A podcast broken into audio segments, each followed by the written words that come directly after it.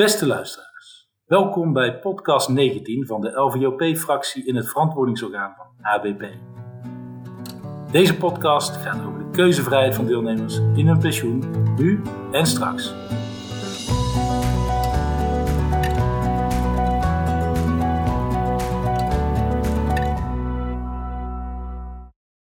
Mijn naam is Michael Visser en neem deze podcast op vanuit Hilvarenbeek. Arend Jan Boekenstein is ook weer van de partij. Hij is nog niet met vakantie. Hij, hij neemt op vanuit Doorn vandaag. Toch, Arend Jan? Ja, ik zit tussen de gepensioneerde generaals hier. Ja, kijk. Het is vandaag 8 juli 2020 en onze gast is wederom Roel Milkhoff. We spraken Roel eerder al in podcast 18, die geheel in het teken stond van de uitwerking van het pensioenakkoord en het nieuwe pensioencontract. Hoi Roel. Goedemorgen. Goedemorgen. En we gaan zo met jou eh, spreken over een eh, specifiek thema dat ook wel wordt aangestipt in het pensioenakkoord, de keuzevrijheid in pensioen. Voor de mensen die de vorige podcast nog niet hebben geluisterd, wat een aanrader is, want je geeft daar echt inzicht ook onder de motorkap over het nieuwe contract. Maar jij bent postdoctoraal onderzoeker bij Tilburg University en verbonden aan Netspar en werkt daarnaast bij Cardano, dat is een risicomanagement advieskantoor. Je gaf ook aan dat je op eerder in het Haagse zeg maar, hebt gewerkt bij het Centraal Planbureau Sociale Zaken en Werkgelegenheid en de Nederlandse Bank. Maar je hebt ook op veel deelgebieden onderzoek gedaan naar pensioen en daarover gepubliceerd. Waaronder ook over het thema waar we het nu over gaan hebben, over keuzevrijheid.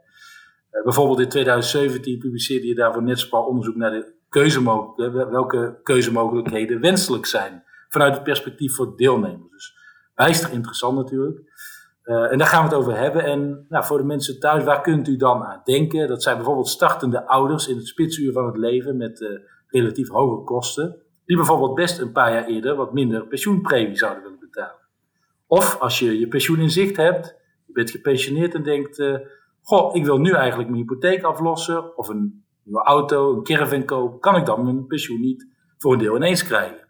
Nou, die laatste optie die staat dus ook expliciet in die uitwerking van het pensioenakkoord, in het gehele pakket aan maatregelen dat uh, eerder deze week door minister Koolmees naar de Kamer is gestuurd. En hij schrijft daarin ook dat een verkenning naar meer keuzemogelijkheden naar verwachting eind 2020 beschikbaar komt. Nou, dat uh, belooft wat, zou je denken. Maar niets is minder waar, want in, voor de, ja, de scherpe lezer in voetnoot 9 in, in die hele brief staat dat sociale partners zich met het pensioenakkoord niet gecommitteerd hebben aan de verkenning van verdergaande keuzemogelijkheden. Nou, dit is eigenlijk uh, een beetje ambtelijke taal volgens mij voor uh, een niet van de vakbonden en werkgevers, maar ik ben benieuwd hoe Roel dit ziet. En dus goedemorgen Roel, krijgt die keuzevrijheid eigenlijk naar jouw mening in dat pensioenakkoord nou de aandacht die dat verdient? Ja, dat is een ja-nee vraag. Hè? dan, dan, moet ik hem toch denk ik op nee zetten. Uh, dat komt een beetje omdat ik uh, een paar jaar terug, toen ik nog voor Jetta Kleinsma werkte bij ZW, toen hadden we een nationale pensioendialoog gestart. En dat was eigenlijk de, de opstartfase van deze hele hervorming die nu tot zijn, uh, ja, tot zijn hoogtepunt komt. En daarin hadden we, is Jetta Kleinsma in het land doorgegaan, heeft heel veel mensen gesproken en toen zijn er vijf rode draden uitgekomen hè, van dingen die, die anders zouden moeten. En één van die vijf rode draden was het ging over keuzevrijheid. Dat er behoefte was bij deelnemers om, uh, om, uh, om in hun pensioen toch meer zelf te kunnen uh, beslissen. En als je nu, hè, als je zegt van nou, toen zeg, was dat één van de vijf raden. Als je dan nu de hoofdlijnen bekijkt, dan, dan staat er eigenlijk weinig in. Met de uitzondering van de hooglaag. dus die, dat is eigenlijk het enige wat heel concreet is geworden. en de rest wordt inderdaad wat meer naar voren geschoven. Uh, dus misschien kun je, kun je zegt hoog-laag, kun je dat nog wel even uitleggen? Wat je oh, sorry, lump sum. Hoog-laag hebben we natuurlijk nu. Excuus. ja, al die termen, maar... Ja, nee, maar hoog-laag, dat is er nu al. Hè, dus dat je in het begin wat eerder pensioen kunt opnemen uh, uh, en later wat minder bijvoorbeeld, of andersom. Maar lump sum... ja, lump sum is een Engelse, Engelse term en dat betekent, maar mooi Koolmees gebruikt geen Engelse termen in zijn wetsvoorstellen. Het heet pensioen ineens. En dat, uh, dat, dat of, of, uitkering ineens. Uh, ja. betekent dat je 10% van je, van je pensioenvermogen op de dag dat je, op het moment dat je naar pensioen gaat, kan je die uh, handje contantje uitgekeerd krijgen. Oké, okay, en wat, wat, wat vind je daarvan? Um, wat vind ik daarvan? Nou, ik zie het eigenlijk als een, als iets wat een beetje toch wel vergelijkbaar is met, met die hoog-laag die we net noemden. Maar bij hoog-laag kan je ook zeg, zeg je eigenlijk van ik wil de eerste tien jaar een hoger pensioen hebben en daarna accepteer ik een lager pensioen. Uh, dat pensioen ineens is daar een wat extremere vorm van. Je krijgt, je krijgt niet in tien jaar krijg je meer, maar je krijgt in één keer wat meer, namelijk die 10% van je pensioen. En de rest van je pensioen krijg je 10% minder pensioen.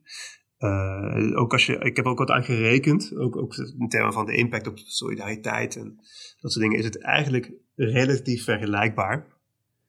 Um, ik kan me wel voorstellen dat het populairder wordt dan die hooglaagconstructie, omdat die wat minder complex is, hè? dus wat simpeler. Uh, dus ik denk dat het animo relatief groot is uh, daarvoor. Ehm, maar ik moet ik zie hem zelf als, als, een, als een iets wat andere vorm van hooglaag maar daarmee op zichzelf misschien niet, niet zo baanbrekend als misschien andere mensen hem zien. En zijn dat nou, ik begrijp, er is dus lump sum, er is ook hoog-laag, dat zijn er twee, hè? Maar er zijn natuurlijk nog veel meer keuzemogelijkheden. En, en, welke daarvan, van het totale palet, die er dus nu niet is, maar die er eigenlijk zou moeten zijn, welke daarvan zijn de belangrijkste voor deelnemers? Daar weet je alles van, heb ik begrepen. Ja, of die er moeten zijn, dat laat ik even voor jouw rekening, uh, Arend Jan. Maar in ieder geval, uh, waar je, als je denkt over keuzevrijheid, dan zijn er eigenlijk vier, vier keuzes. De keuze hoeveel premie je inlegt. Oh ja. De keuze over hoe dat belegd wordt. De keuze over hoe het uitgekeerd wordt. Dat zijn die hooglagen, die lump En de vierde keuze is nog bij welke uitvoering dat ze kunnen beleggen. Dat zijn over hoofdlijnen de vier, de vier keuzes die je in pensioen kan, kan hebben. Uh, wat mij opvalt is dat er bij regelingen waar wel meer keuzevrijheid is, denk bijvoorbeeld aan, premieregelingen, is er altijd relatief veel aandacht voor, uh, voor keuzevrijheid in, in beleggingen. Dus je hebt dan allerlei verschillende uh, risicoprofielen. Hè. Dan kan je bijvoorbeeld defensief beleggen of neutraal of offensief. ik denk zelf, ik heb, mijn onderzoek blijkt eigenlijk dat dat op zich wel wat voordelen kan hebben voor deelnemers. Want je kan dan het beleggingsrisico wat beter afstemmen op jouw persoonlijke voorkeuren, hoe, hè, hoe risicomijdend jij bent of, of niet. Uh, maar eigenlijk heeft de keuze voor de premiehoogte, die is verreweg het belangrijkste. Dus als je kijkt naar de impact voor deelnemers, in termen van de voor- of nadelen, is, uh, is die knop, die is het, die is het meest cruciaal. Waarbij um, een, een te lage premie heel kostbaar kan zijn. Denk aan, aan, zelfstandigen die, die nu vaak te weinig sparen. Uh, maar ook een te hoge premie kostbaar is. Als je bijvoorbeeld uh, en heel veel pensioenpremie afdraagt aan je pensioenfonds, maar ook tegelijkertijd veel aflost uh, aan je, voor de hypotheek aan je, van je eigen woning, dan ben je eigenlijk aan het oversparen. beide zijn eigenlijk, kunnen vrij kostbaar zijn. Dus die, de, de, de, nou, de hoogte van de premie is belangrijk. eigenlijk belangrijker dan, dan hoe er precies wordt belegd in termen van het, het risicoprofiel. Dus ik hoor, ik hoor bij jou impliciet dat je dus mensen wil beschermen voor onverstandige keuzes. Hè? Klopt dat? Uh, ja, ik denk dat eh, ons pensioenstelsel doet het, uh, doet het altijd heel goed. En dat komt omdat er een hele hoge mate van bescherming in zit. Soms misschien, op sommige vlakken misschien iets te veel, maar in het algemeen denk ik dat, wij, uh, dat, dat het goed is in Nederland dat er ook wel heel breed draagvlak is voor verplicht pensioensparen voor een heel groot deel van de beroepsbevolking. en ook levenslange uitkeringen. Dus je, krijgt niet zomaar je geld op de pensioendatum zoals in Engeland, en dan, dan kan je het verder maar bekijken. Maar er, wordt echt wel, er is ook een architectuur voor, voor ervoor te zorgen dat je een levenslang een goede adequate pensioenuitkering krijgt. Dat is dan denk ik echt wel zegening. En dat is, dat is ook uiteindelijk ja, wat die ranking die één keer per jaar nieuws is, hè, van die, uh, welk pensioenstelsel nou het beste is in de wereld. En daar scoren wij goed op als Nederland, omdat er genoeg gespaard wordt, voor in ieder geval voor veel, een groot deel van de werknemers. En dat we dan uiteindelijk dat goed beleggen en levenslang uitkeren. Uh, dat, dat onderzoeksbureau, of, of, of, Mercer is dat, die, die kijken vooral naar die, naar die, die, die, die grootheden. Uh, daar, doen, we het gewoon, daar doen we het heel goed op. Maar weet je, dat, dat verplicht sparen hè, voor pensioen, dat, dat, kan ik me alles bij voorstellen. Hoewel in de ZZP-wereld dat natuurlijk allemaal heel pijnlijk is dan. Hè? En dat zijn heel veel mensen tegenwoordig.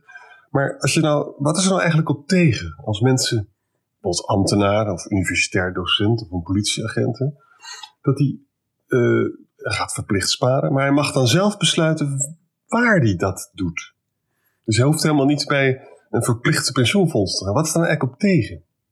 Ah, dat gaat dus over die, ik noemde net die vier dimensies van keuze. Dus Ja. denk, eh, wat je nu, nu vraagt over die laatste dimensie, van wie, Ja. wie is dan je uitvoerder. Ja, Eh, toen ik, de CPB heeft daar een keer wel een mooie studie van gemaakt toen gekeken. Want er zijn een aantal landen waarbij je dat wel gewoon zelf kan kiezen. Een beetje vergelijkbaar met het, eh het zorgstelsel, hè, waarbij er wel een verplichting is vanuit de overheid om te sparen. Maar waar je dat doet, dat mag je dan zelf weten. Eh, ik denk wel, wel interessant is dat daar ook wel lessen uit geleerd zijn. In, eh, in Australië bijvoorbeeld hebben ze de commissie Cooper gehad in 2010. En in Chili is ook een, eh, een voorbeeld daarvan. Hebben ze ook een, hebben ze ook, een aantal reviews gedaan. Want vaak wordt dat gedaan in hele liberale landen, waarbij ze graag vrijgeven.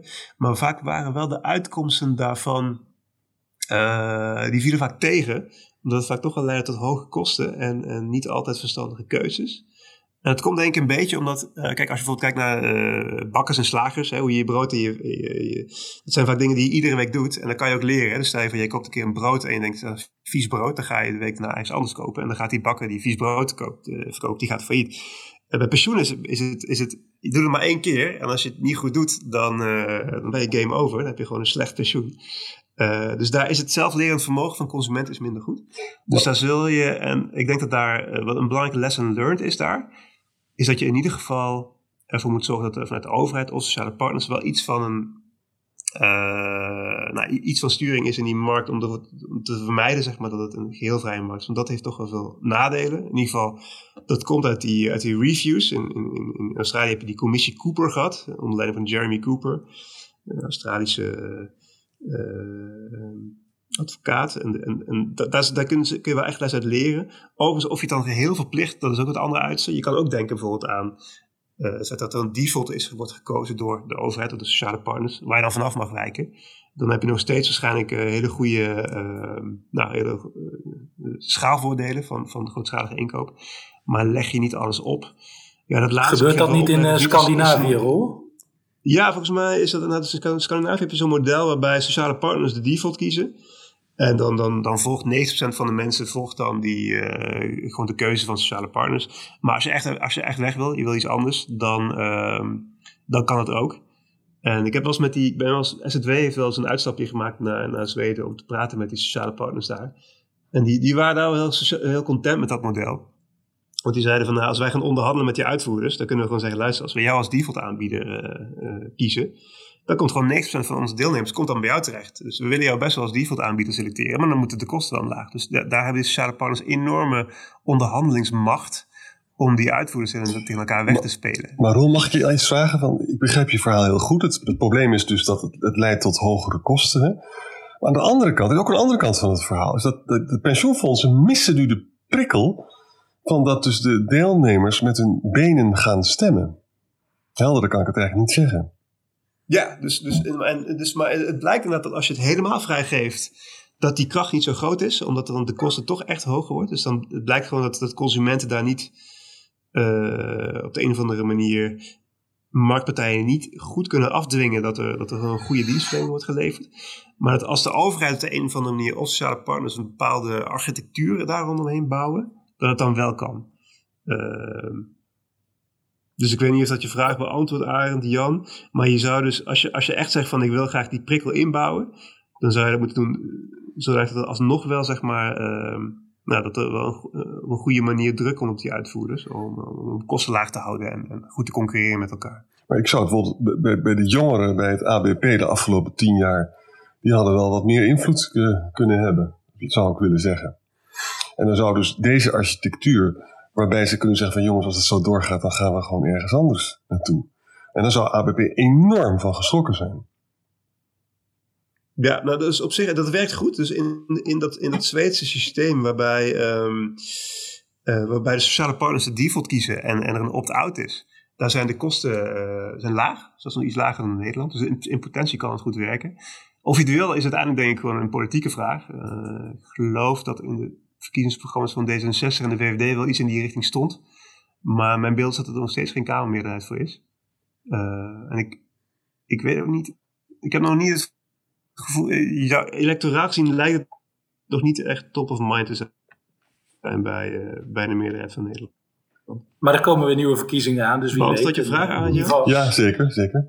Michael. Ja, nou, maar Ja, maar ik zou dus, goed wel, ik zou dus niet zo. Ik maar dus de bottom, bottom line is wel: verwacht niet te veel. Als je het helemaal vrijgeeft, uh, dan, dan ga je echt dezelfde valkuilen maken als, als landen als Australië en Chili. Dus ik zou. Uh, ik, ik, moet, ik was zelf niet zo gecharmeerd van het model wat bijvoorbeeld Ilja Boelaars wel eens, uh, wel eens noemt. Een beetje het, het, het model van, uh, zoals ze de zorgverzekering hebben ingericht. Hè? Dan zeg je van de, de overheid legt een, legt een, uh, een spaarplicht op en vervolgens mag je zelf een uitvoerder kiezen. Ik heb, daar hebben ze in Chili wel heel veel moeite mee om, dat, om, dat, om, dat, om, daar, ja, om, daar wenselijke uitkomsten uit te krijgen. dus ik, ik zie ik zie denk ik meer, als je, als je, als je vanuit politiek oogpunt die, die keuzevrijheid wil, wil hebben, dan zie ik meer in, in die opt-out oplossing die Zweden heeft. Oké, helder. Nou, we hebben dus de dimensie nu van uh, de pensioenuitvoering en de keuze daar uh, al even besproken. De lumpsum is aan de orde geweest. Je noemde ook de keuze voor je premie. om daar misschien in te kunnen kiezen in de hoogte daarvan. Verwacht jij dat die bijvoorbeeld in die verkenning, hè, die is aangekondigd nu, komt dat daarin terug? Hè? Want je hebt daar onderzoek naar gedaan en zegt, nou, dat is een belangrijk element. Dat kan waarde toevoegen, maar kan ook als je hem verkeerd instelt, dus te weinig premie inlegt, ja, uh, ook verkeerd zijn of verkeerd uitpakken. Um, gaat dit in die verkenning eind dit jaar denk je terugkomen? Of, of uh, welke andere elementen zie je daar nog terug? Oeh, dat weet ik niet. Ik kan me zo voorstellen dat het ministerie heel druk is geweest met de hoofdlijnnota en nu pas begint na te denken over die vervolgverkenning. Um, dus dus dat, dat weet ik niet. Ik denk wel dat um, dat Wouter Koolmees er verstandig aan heeft gedaan om de focus nu ten eerste te leggen op die afschaffing van de doorzinsystematiek. En de reden is, ik weet nog, een, een, een heel aantal jaren terug, toen, uh, was rond 2012 was dat, toen stonden, uh, stonden veel Nederlanders stonden onder water qua hypotheek van een huis. En toen was er een voorstel destijds van de RVU, om voor die, voor die mensen om het, het leed te verlichten door, de, door een, periode van vijf jaar te, te introduceren waarin ze geen pensioenpremie hoefden te betalen. En toen is daar door het ministerie uitgebreid onderzoek naar gedaan, destijds of dat kon. Maar toen liepen ze heel erg aan tegen de problemen van die doorzinsystematiek. Het blijkt heel lastig om dat in het huidige stelsel te doen. Hè? Omdat je dan, als je minder premie inlegt, dan ben je ook een minder solidair. En dan, dan, dan trek, je, trek je een draadje van het hele, het hele raamwerk. Ik denk dus dat, dat uh, dus, dus Wouter Koolmees wil graag meer van die, van die vrijheid. Ik denk dat hij en ze heeft ingezien dat, die, dat daarvoor eerst die niet moet worden afgeschaft. En eigenlijk naar zo'n nieuw stelsel moet gaan met persoonlijke vermogens. Alvorens je überhaupt uh, over de knop premie-inleg uh, vrijheid kan geven. Dus, uh, dus ik denk dat dit gewoon eerst moet gebeuren. Dat, dat, dat het proces de komende. Oké, en, en als dat dus nu gebeurt. Als dat dus nu gebeurt, Roel, hè, want dat staat dus in dat pensioenakkoord dat die doorsnee systematiek wordt afgeschaft. En in eerdere podcast hebben we ook uitgelegd en wat dat betekent. Maar eigenlijk, als je het vertaalt naar je krijgt dadelijk je persoonlijk pensioenvermogen, uh, is er dus meer mogelijk, ook qua keuzes. En uh, is dan zo'n swap, om het zo maar te zeggen, dus de uitwisseling tussen uh, bijvoorbeeld de pensioenpremie voor inleg van je huis, is dat dan interessant? Kan dat voor deelnemers met koopwoningen in dit geval, toch zo'n 60% in Nederland, goed zijn? En waarom of waarom niet? Ja, in potentie wel. Er zitten wel heel veel haken en ogen aan zo'n zo'n voorstel, dus dat moet je echt heel zorgvuldig bekijken. Uh, maar in potentie is het zo dat mensen die, uh, die en hun eigen huis helemaal aflossen. En daarnaast ook nog eens een keer een, een, een pensioen helemaal bij elkaar sparen. Uh, meer sparen dan, dan, dan in principe nodig is. Dus je komt dan op een vervangingsratio uit die, die, die hoger is dan, dan, dan, dan wat eigenlijk wat, wat zou moeten. Dus voor die generatie zou je in ieder geval die optie kunnen introduceren. Alleen uh, er komen best wel veel dingen bij kijken, dus dat is, dat is denk ik wel. Dat is niet een voorstel, wetsvoorstelletje zoals die, die opname ineens, die je relatief snel en makkelijk kan schrijven. Uh, daar komen veel bij, komt best wel veel bij kijken. Dus ik denk dat ook in die verkenningsfase je vooral moet oriënteren op, uh, nou, op, op, op de mogelijkheden en onmogelijkheden daarvan. Maar in potentie kan het, kan het veel opleveren voor mensen. Oké, en als je kijkt, dus inderdaad, je hebt het dan in, in de rapporten, noemen ze dat welvaartswinst. Hè? Uh, misschien kun je dat nog even aangeven van in potentie, hè, zeg je ook nu, waar dat dan in zit. Dan gaat het dan over de consumptie over je hele leven. Hè? Wat nou, uh, is nou beter? Hè? Ik noemde in het begin dat je in het spitsuur van je leven met een gezin, met kinderen, hoge, hoge kosten. Hè? Dus dat je dat een beetje kunt dempen en, en dan in latere fase van je leven, waar er wat meer bestedingsruimte is, dat dat dan beter in balans is. Zit dat daarachter?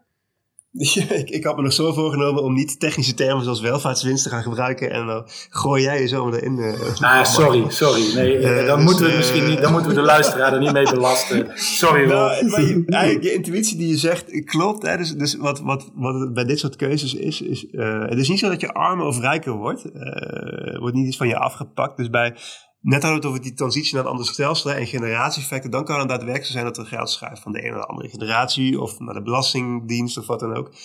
Uh, bij dit soort keuzes is het zo dat als je ze, als je ze zo vormgeeft dat het uh, neutraal is in termen van, uh, van de impact op je, van, van de herverdeling, dan is het vooral zo dat je inderdaad um, je besteedbaar inkomen glad strijkt over je leven. Dus, dus dat je vermijdt dat mensen in, de, in het spitsuur van het leven, in de opbouwfase, veel minder besteedbaar inkomen hebben en dan vervolgens, zodra ze met pensioen gaan, in één keer denken, hé, hey, ik heb een volledig pensioen bij elkaar gespaard en ik heb mijn huis afgelost, dus ik heb geen vaste lasten meer. En dan in één keer meer besteedbaar inkomen hebben. En dan denk je, ja, dat besteedbaar inkomen had ik eigenlijk wel willen hebben op het moment dat ik drie kinderen had en, uh, en, en, en, nog echt veel, veel meer kosten had. Dus dat, um, dus het gaat vooral om de spreiding van besteedbaar inkomen over het levensloop. Oké, helder. Arend Jan, heb jij nog, uh, nog een vraag voor, uh, voor hoe?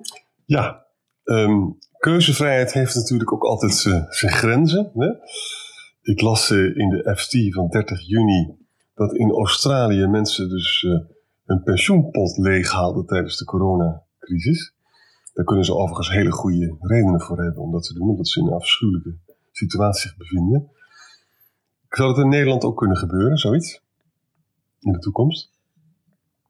Ja, je moet dat niet uitsluiten, dat dat, dat soort dingen uh, op enig moment op tafel komt. Ik denk inderdaad dat als je... Uh, ik heb een stuk ook gelezen inderdaad. Dus in, in Australië hebben ze een, een coronawet gemaakt. Waarbij iedere, iedere inwoner maximaal 10.000 Australische dollars uit zijn pensioenpot mocht pakken. Dat is volgens mij iets minder dan 10.000 euro's omgerekend, maar toch een aardig bedrag. Zeker als je, als je misschien net dat bedrag bij elkaar had gespaard. Uh, en daar hebben best veel mensen gebruik van gemaakt. Dus in de, in de coronaperiode, dus in de afgelopen twee, drie maanden, hebben 2 miljoen Australiërs dat gedaan. Uh, niet dat ze allemaal maximaal bedrag hebben opgenomen, maar wel dat ze iets hebben opgenomen. Dus je ziet dat uh, dat, dat uh, nou, in, in, in, in sommige landen ja, op die manier gaat. En dat is, is niet, niet ondenkbaar dat er in de toekomst ooit een keer in Nederland ook, als er weer economisch tegen zit, weer zo'n vanuit de politiek zo'n zo'n beroep komt om, om de pensioenpot als oplossing voor alles te gaan gebruiken. Die neiging is er nou eenmaal. En ik denk dat het best wel lastig is. Wat je, wat je, wat je mensen doet is, uh, je, vraagt mensen om een hele moeilijke beslissing te maken. Namelijk om een afval te maken tussen, tussen de dag van vandaag en de dag over, over misschien wel 20 of 30 jaar. En uh, het blijkt uit heel veel gedragsonderzoek dat mensen daar heel slecht toe in staat zijn. Dus ik denk in ieder geval dat het altijd goed is vanuit de overheid om dat, om dat op de te, te maximeren en te limiteren. Uh, het, het, kan er aan de andere kant, ik, ik heb dat stuk gelezen in de Financial Times en je ziet daar ook dat de, de mensen in Australië die over het beleid gaan, die proberen op die manier ook wel het draagvlak voor pensioensparen overeind te houden. Omdat mensen heel boos worden als ze verplicht moeten sparen voor iets en dan heel lang niet bij hun geld komen, terwijl ze nu een probleem hebben. Dus het, is ook, het, het, kan van het perspectief van Australië misschien verdedigbaar zijn. Maar ik zou er. Ik denk in principe dat, je dat, dat, dat wij in Nederland daar heel voorzichtig mee omgaan. En ik denk dat dat echt iets is wat we zo moeten houden. Maar dit raakt wel, als ik het goed begrijp, uh, ook een beetje aan dus die lumpsum, hè, die er dus gaat komen, zoals in het pensioenakkoord staat, met maximaal 10%. Je zei eerder, nou, dat is min of meer vergelijkbaar met die hoog-laag constructie die we nu hebben. Uh, en alleen hier in Australië, als ik het goed begrijp, ik heb het artikel niet gelezen, maar dan is dit specifiek in het geval van uh, nu met corona, dat er om mensen meer liquiditeit en bestedingskracht te geven. dus, dus de vraag is, en dus wat jij zegt, nou ja, ook in de toekomst, als er een andere crisis kan komen, of, dan kan het zijn dat, dat je dan die lump sum, dat de overheid denkt, nou, we gaan mensen daarmee helpen. Ja, ik denk, de lump het ziet eruit als een heel onschuldig wetsvoorstel. Uh, want het, is, het wordt in het algemeen breed gedragen. Volgens mij zijn de meeste politieke partijen er wel voor. De sector is ook voor. Er zijn eigenlijk weinig mensen die daar tegen zijn. Dus het lijkt, uh, ik, ik, verwacht dat het heel makkelijk door de Tweede Kamer ingaat. Maar het is wat minder, ik denk dat het uh, wel het een en ander aan, aan, aan in de toekomst toch wel, misschien dat, misschien dat we over tien jaar, als we dan weer een podcast doen, dat we dan zeggen, nou dat was wel het begin van een ontwikkeling. Want je krijgt natuurlijk al heel snel de vraag van waarom mag ik wel, als ik dacht dat ik naar pensioen ga, 10% opnemen om op een cruise te gaan. Of om uh, iets anders te doen, uh, wat, wat misschien niet heel essentieel is. Maar mag ik niet tien jaar eerder, als ik bijvoorbeeld 55 ben, uh, 10% opname doen om mezelf te herscholen. Om, om nog op een goede manier tot mijn pensioendatum te kunnen werken. Dus het, het roept denk ik veel vragen op. waarbij ik denk meer naar de toekomst toe je wat, wat consistenter beleid moet gaan voeren. Waarbij je zegt, nou, je mag misschien 10% van je pensioenpot gebruiken, maar dan wel voor een bestedingsdoel dat eraan bijdraagt aan een, aan een levenslange, uh, het onderhoud van een, van een levenslange uh, oude dag. Dus ik denk dat dit wel, dit westerse ziet er onschuldig uit, maar het, het gaat denk ik naar de toekomst toe meer losmaken dan je misschien nu 1, 2, 3 zou zeggen. Maar is het niet juist ook goed, dus ik begrijp hè, je zorg die je hier uitspreekt, maar is het juist ook niet goed? Je noemt nu het voorbeeld 10 jaar voor je pensioen, als je het wil inzetten om juist te omscholen of bijscholen. Dat, dat kunnen toch hele wenselijke en nuttige uh, investeringen zijn. Hè? Bijvoorbeeld, hè, nu zeker met lage rente, hè, lees je ook in rapporten van, joh, juist investeren in menselijk kapitaal kan misschien wel waardevoller zijn dan die euro opzij zetten voor de toekomst. Dus zijn dat niet juist ook de, de debatten die je zou moeten willen voeren als maatschappij? Ja, ja er, zit gewoon, er zit baat in. Hè? Dus het kan voor, voor mensen gewoon echt voordelen bieden om dat, om dat te doen inderdaad. En bijvoorbeeld uh, investeren in herscholen kan, kan uiteindelijk uh, gewoon uh, ervoor zorgen dat mensen beter hun uh, hun leven lang productief kunnen zijn en, en langer kunnen werken. Dus ik denk dat, dat, dat er zitten baten in. De reden waarom ik als onderzoeker toch altijd best wel ook probeer daar, daar waarschuwingen over in te geven. Dat als, als, je, als, je, als je kijkt naar sommetjes van, van de, de kosten die, het, die, uh, die ermee gepaard gaan. Als mensen te weinig sparen, hè, puur door kortzichtigheid. Die, die welvaartskosten, die zijn, uh, die zijn echt heel groot. Dus, dus als je nu kijkt naar een grote groep ZZP'ers die gewoon niet of heel weinig spaart, ja, dat is, hou je toch wel je hart voor vast. Uh, om, omdat uiteindelijk daar de, de, de impact van op het besteedbaar inkomen pensioendatum heel groot is. Dus vandaar dat ik denk de meeste onderzoekers altijd toch wel uh, voorzichtig die voordelen benoemen, maar dan altijd meteen ook de nadelen erbij benoemen. En het is vervolgens aan beleidsmakers om uh, om daar een balans in te vinden. en ik denk dat je die balans het beste kan vinden door, um, door uh, als, als je een opname uit de pensioenpot toestaat, door er altijd een bestedingsdoel aan te koppelen. Dat, uh, dat ook gericht is op een levenslange, op, op, op, op, nou, op levenslange levensonderhoud. Uh, dan vermijd je in ieder geval dat mensen het gewoon opnemen voor een, echt een kortzichtig doeleinde. Oké, nou dankjewel Roel voor nou, jouw heldere inzichten hier. Arend Jan, had jij nog een andere vraag of is het jou duidelijk welke keuzes jij gaat krijgen? Nou ja, het is, ook een beetje een filosofische vraag. Hè? Want ik, ik begrijp heel goed dat uh, Roel is heel sterk benadrukt dat uit gedragsonderzoek blijkt dat mensen niet altijd de meest verstandige keuzes maken. Wat er dus toe kan leiden dat ze bijvoorbeeld straks alleen nog maar AOW hebben. Hè? En de hoogte daarvan weet, ook niemand, want dat, dat, dat staat natuurlijk ook onder druk door de vergrijzing. Toch vraag ik me wel eens af, als iemand daar nou bewust voor kiest, hè? Om, uh, laat ik iets geks zeggen, van iemand leeft heel hard en wil veel geld uitgeven en kiest er gewoon voor dat op, zijn oude dag heeft hij alleen AOW en dan woont hij op een kamer of op twee kamers. Dat kan een beslissing zijn van iemand hè, om dat te doen. Heeft geen ja, het is, het is, het is, uh, ik zat een keer in zo'n uh, internationale conferentie, zat ik met zo'n Nederlands vlaggetje voor mijn neus en naast me zat een Zweeds pensioenexpert en aan de andere kant naast me een Brit.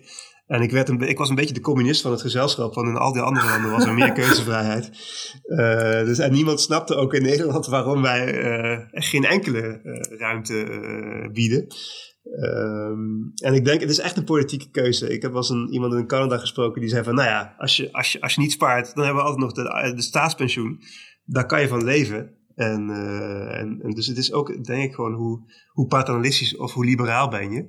Uh, en uiteindelijk is dat gewoon uiteindelijk de Tweede Kamer die daarover gaat. En, en, dat zijn uiteindelijk wel alle partijen waar we met z'n allen op stemmen. Ja. ja. Weet je, als je, als je kinderen allemaal gestudeerd... Ik heb drie studerende kinderen. Nou, als die zijn... Straks hebben ze allemaal een baan, hoop ik. Ik heb niet zo heel veel nodig als ik 68 ben. Als ik maar een stoel heb en een boek... en uh, af en toe piano kan spelen, ben ik gelukkig. Hè?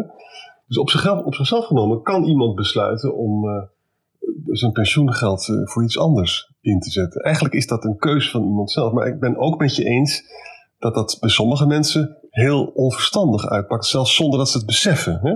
Dus een zekere mate van bevoogding moet er misschien ook in zitten. Maar nu hebben we wel een heel erg uh, rigide systeemrol. Vind je niet? Ja. Nou, wat ik, wel, ik ben wel gecharmeerd van de Britse aanpak. Wat die hebben gedaan, is uh, die hebben voor, ook voor zelfstandigen, dat doen we in niet, maar die hebben voor zelfstandigen ook een, uh, een pensioen spaar. En dat is geen plicht, maar het is een, een default met een opt-out. Dus als je standaard enroll je in een, daar in, in een pensioenregeling.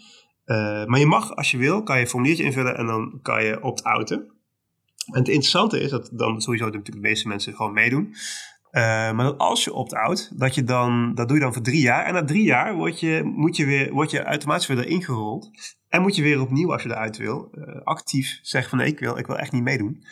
Uh, en dat heeft denk ik wel het positieve gevolg dat de meeste mensen gewoon meedoen en uiteindelijk daardoor beschermd worden tegen kortzichtigheid. En dat de mensen die uiteindelijk als ze, als ze pensioendatum aankomen en niks gespaard hebben. Dat zijn mensen die dus elke drie jaar, om de drie jaar hun leven, actief hebben gezegd: nee, ik wil echt niet meedoen.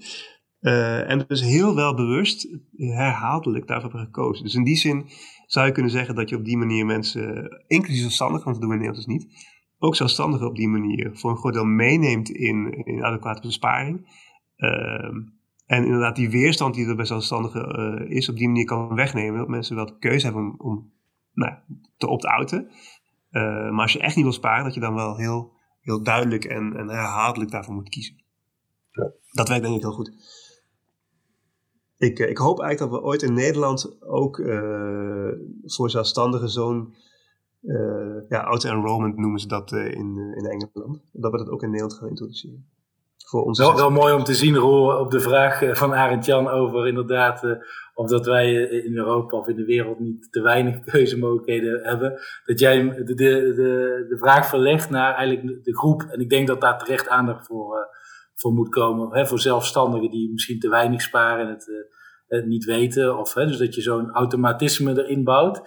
Maar wel aardig om te zien dat je daar dan die paternalistische kant toch eigenlijk ook wel weer vergroot, of niet? Ja, het is een beetje, in, in Nederland doen we het een beetje zwart-wit. We zeggen werknemers die worden aan alle kanten, uh, zijn we heel paternalistisch over. En zelfstandigen, ja, die moeten maar bekijken.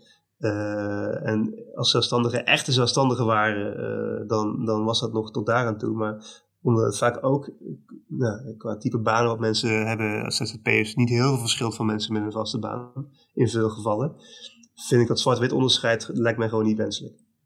Nee, ja, duidelijk.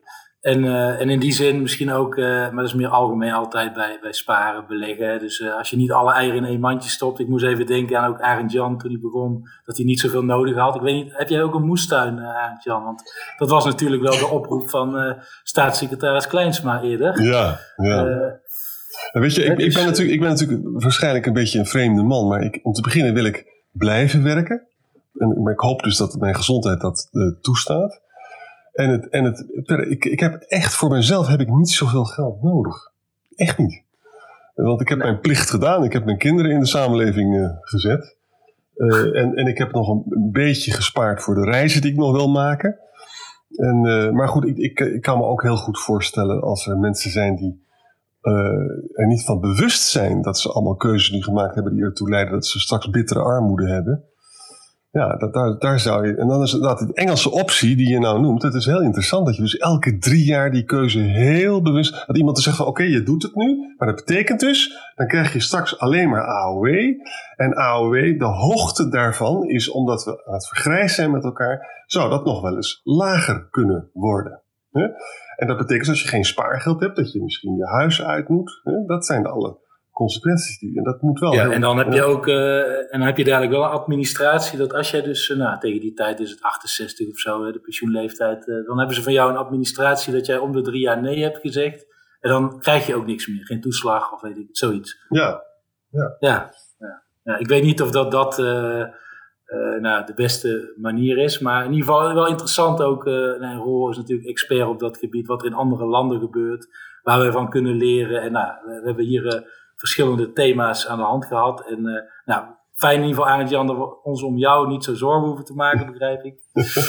en uh, nou, die moestuin was natuurlijk ook volgens mij uh, een opmerking van Kleijs, maar waar veel over is gevallen. Maar volgens mij zit daar wel in het meerdere eieren in verschillende mandjes leggen, dat dat nou, raadzaam kan zijn. Dus iedereen kan daar zijn eigen keuze maken, uiteraard binnen de grenzen nou ja, die de wetgever ons stelt. Dus daar is ook de politiek weer aan zet. Ehm, ik denk dat we naar de afronding gaan. dank Roel voor jouw ja, het delen van jouw expertise. dit was podcast 19 over de keuzevrijheid in pensioen. We hebben verschillende dimensies met Roel besproken. En mochten u als luisteraar nog daar vragen over hebben of andere ideeën hebben voor onderwerpen of nieuwe sprekers, kunt u die het beste delen via ons Twitter-account. Dat is apenstaartje lvop underscore abp of via de website lvop.nl. U kunt natuurlijk ook de persoonlijke Twitter-accounts van Arend-Jan Boekenstein, dat is apenstaartje AJ Boekenstein. Of die van mijzelf, uh, dat is het pensioenschijf. Uh, van de pensioenschijf van vijf. Voor, voor wie denkt, waar komt dat vandaan? Dat is juist die bredere blik op pensioen, dat er meer is dan alleen het werknemerspensioen. mijn, voor nu hartelijk dank Roel. Leuk dat je erbij was. Fijne dag verder en dank u voor het luisteren en tot podcast nummer 20. We wensen u een fijne zomer en melden ons daarna ijs en wederlieden natuurlijk weer. Dank u wel.